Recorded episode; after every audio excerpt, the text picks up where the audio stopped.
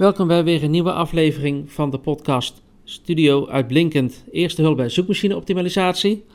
Stefan is er vandaag niet bij. Mijn naam is Maarten Pijpers en ik vertel graag iets over zoekmachine optimalisatie, ook wel SEO genoemd. In deze aflevering wil ik het graag hebben over illegale technieken om in de zoekmachine te komen.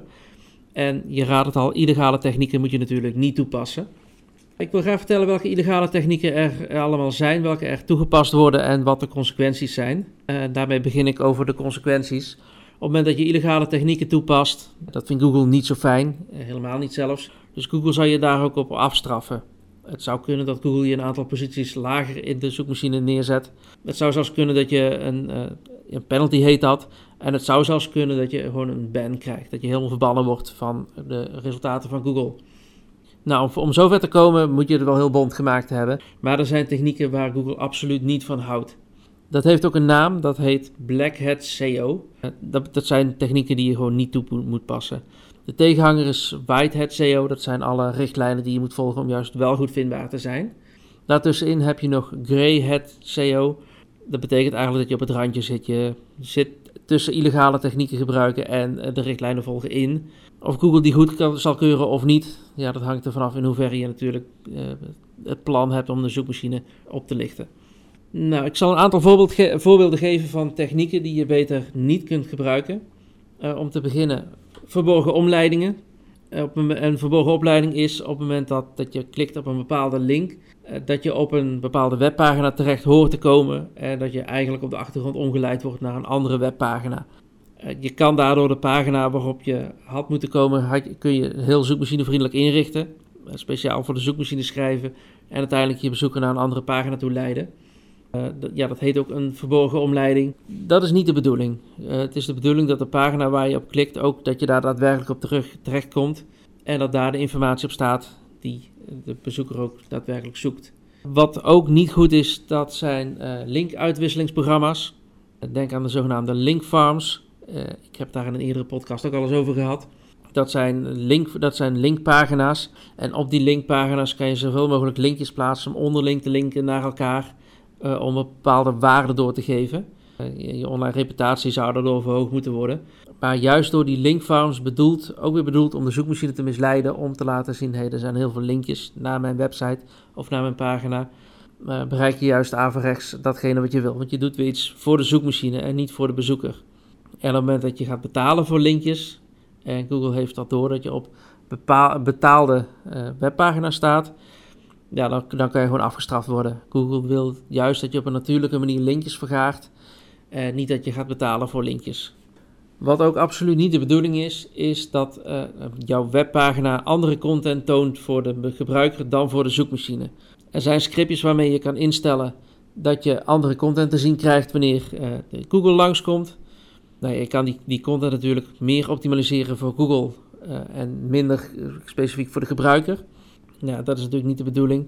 Google wil dat je natuurlijk dat je dezelfde pagina laat zien, zowel aan je bezoeker als aan Google zelf, zodat de juiste informatie ook weer geïndexeerd wordt. Uh, dit heeft ook een naam, deze term, dat heet cloaking. En dat is absoluut not done volgens Google. Google zal je daar echt op afstraffen. Wat Google ook niet goed vindt, dat uh, is verborgen tekst en dat zijn verborgen linkjes. Nou, verborgen tekst kan je denken aan dat je tekst in een stukje code zet en bijvoorbeeld uh, in een div. En je zet die div op hidden. Je geeft een bepaalde stijl mee dat die verborgen is. Nou, Google kan daardoor jouw pagina, ja, dat stukje tekst niet zien op jouw pagina. Uh, en dat wil je natuurlijk voorkomen. Google wil dat alle tekst die indexeerbaar is ook zichtbaar is voor de bezoeker. Want daardoor zou je ook weer tekst of content kunnen schrijven, speciaal voor de zoekmachine. Heel erg gericht op de zoekmachine, maar juist niet voor je bezoeker. Wat ook een truc is, wat in het verleden wel eens gebruikt werd, is bijvoorbeeld dat je witte tekst op een witte achtergrond zette. Hierdoor viel die niet op voor de bezoeker, stond die de bezoeker ook niet in de weg. En Google zou die tekst dan beter indexeren, waardoor je de zoekmachine ook weer kon beïnvloeden. Nou, dat is allemaal niet de bedoeling. Geldt ook voor een, een tekengrootte op nul zetten, dat soort zaken allemaal of tekst achter een afbeelding plaatsen. Zo zijn er heel veel technieken die je kan gebruiken om tekst onzichtbaar te maken. Maar dat is juist niet wat, wat Google wil. Dat geldt ook voor onzichtbare linkjes. Linkjes die wel gewoon zichtbaar zijn, die in je tekst als diep link staan, maar die dezelfde opmaak hebben als je tekst. Het is belangrijk dat als je een linkje plaatst in de tekst, dat ook voor iedereen zichtbaar is, zowel voor de, voor de zoekmachine, maar ook voor de bezoeker, dat het een linkje is. Dus zorg dat hij onderstreept is of er een andere kleur heeft. In ieder geval moet het heel duidelijk zijn dat het een link is. Ook als je met de muis overheen gaat, dat het handje zichtbaar wordt om erop te klikken. Heel belangrijk. Want hierdoor laat je zowel aan je bezoeker als aan Google zien dat het een link is. Uh, dit ook weer om te voorkomen dat je onherkenbare links gaat plaatsen. En dat je eigenlijk op een hele slinkse manier aan linkbuilding gaat doen. Dat zal Google niet goedkeuren. Het is belangrijk om, uh, om altijd transparant te blijven over je content en over je linkjes. Dus verborgen tekst, verborgen links niet doen. Uh, nog een techniek die vaak gebruikt werd in het verleden is zoveel mogelijk zoekwoorden in je code en in je content stoppen. Vroeger was het zo, als je het, woord maar, het zoekwoord maar zo vaak mogelijk achter elkaar in je tekst zette, dan pikte Google het op. Nou, dat zal Google niet meer doen. Google is een stuk slimmer geworden en vindt het belangrijk dat er een natuurlijke tekst ontstaat. En dat je niet overdrijft met zoekwoorden. Als je overdrijft met zoekwoorden, dat heet keyword stuffing. Dat kan heel spammerig overkomen, komt heel spammerig over. En Google zal dat ook afstraffen. Google zal ook hier weer beredeneren. Je doet het uh, speciaal voor de zoekmachine en niet voor de bezoeker. Als je kijkt naar het zoekwoord en je tekst, qua verhouding adviseer ik uh, maximaal een keyworddichtheid van 6%. Dat zou betekenen als je een tekst hebt van 100 woorden, dat het trefwoord er maar maximaal 6 keer in voor mag komen. En natuurlijk niet allemaal achter elkaar, verspreid over de tekst. En zorg hierbij vooral dat het een natuurlijke tekst is die heel natuurlijk overkomt en goed te lezen en te begrijpen is voor je bezoeker. Andere voorbeelden kunnen zijn dat je al je diensten onder elkaar zet. Dat je alle plaatsnamen van Nederland, ook al een keer benoemd, dat je die onder elkaar zet op alfabetische volgorde. Dat zijn allemaal dingen, dat moet je juist niet doen. Want Google gaat het herkennen en Google heeft heel makkelijk door dat je dit speciaal voor de zoekmachine doet. Wat ook heel belangrijk is om in rekening te houden is duplicate content.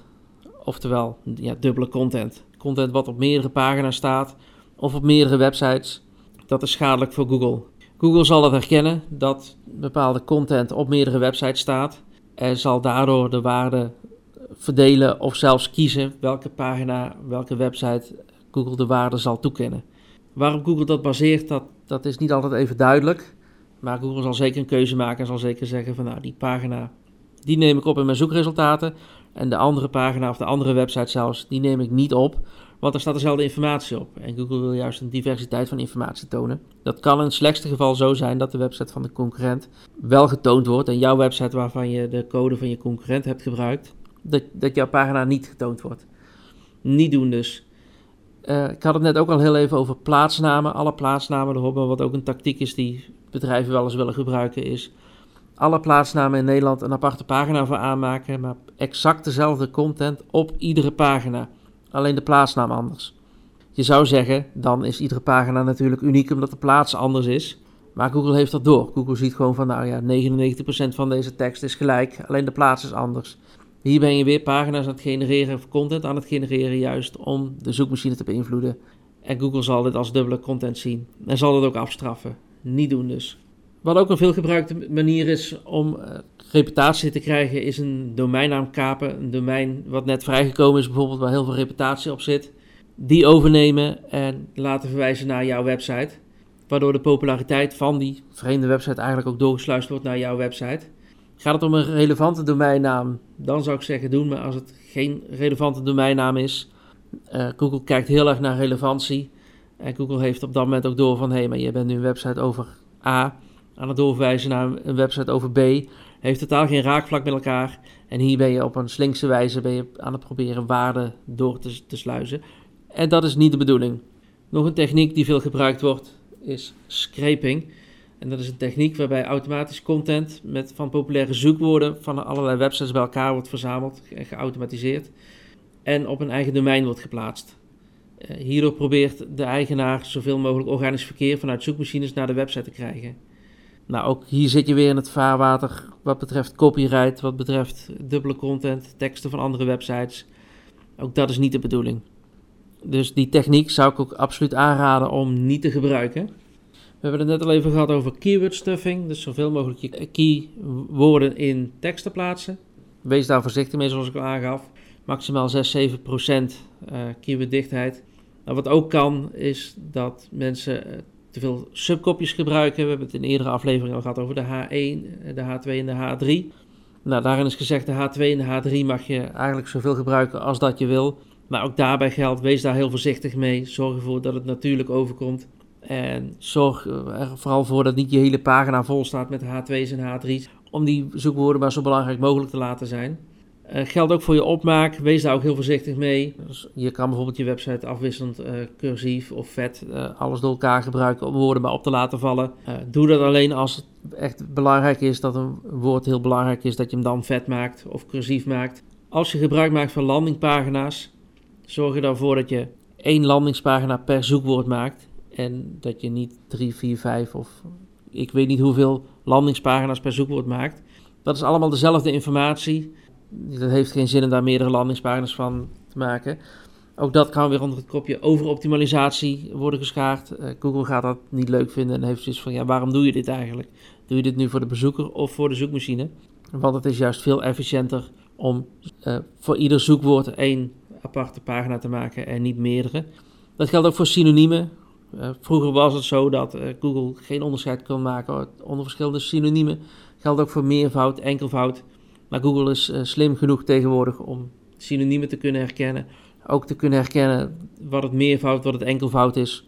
Op het moment dat je het hebt over een pagina over fauteuils en je gebruikt er het woord, daarop het woordje stoelen of stoel. Google zal het allemaal herkennen en weet van nou, dit hoort bij elkaar. Tenzij het natuurlijk om heel ander soort stoelen gaat, gaat het om eetkamerstoelen, is het wel logisch dat je daar een aparte pagina voor aanmaakt. Maar op het moment dat je het over hetzelfde product hebt, over hetzelfde zoekwoord, beperk het gewoon tot één landingspagina en niet meerdere. Je bent al heel snel aan het overoptimaliseren. Uh, je kan tegenwoordig steeds meer met WordPress uh, blogberichten bijvoorbeeld op je website plaatsen. Uh, dat is hartstikke handig. Daar kunnen ook comments bij gezet worden. Dat staat standaard aan. Dat kan je natuurlijk ook uitzetten. Want dat kan vervelend zijn. Kan een reden zijn voor spammers om daar wat negatieve dingen in te zetten. Um, en dat is juist ook, ook weer niet de bedoeling. Op het moment dat je daarin gaat spammen, op het moment dat je jouw dienst gaat aanbieden in een blog van een ander, dat is niet de bedoeling. Google gaat dat ook zien en denkt ook weer van, nou, wat is hier aan de hand? Het verliest alle relevantie en het wordt juist ook weer gedaan voor de zoekmachine. Dus wees daar erg voorzichtig voor op het moment dat je iemand de ruimte geeft om comments te plaatsen bij blogberichten.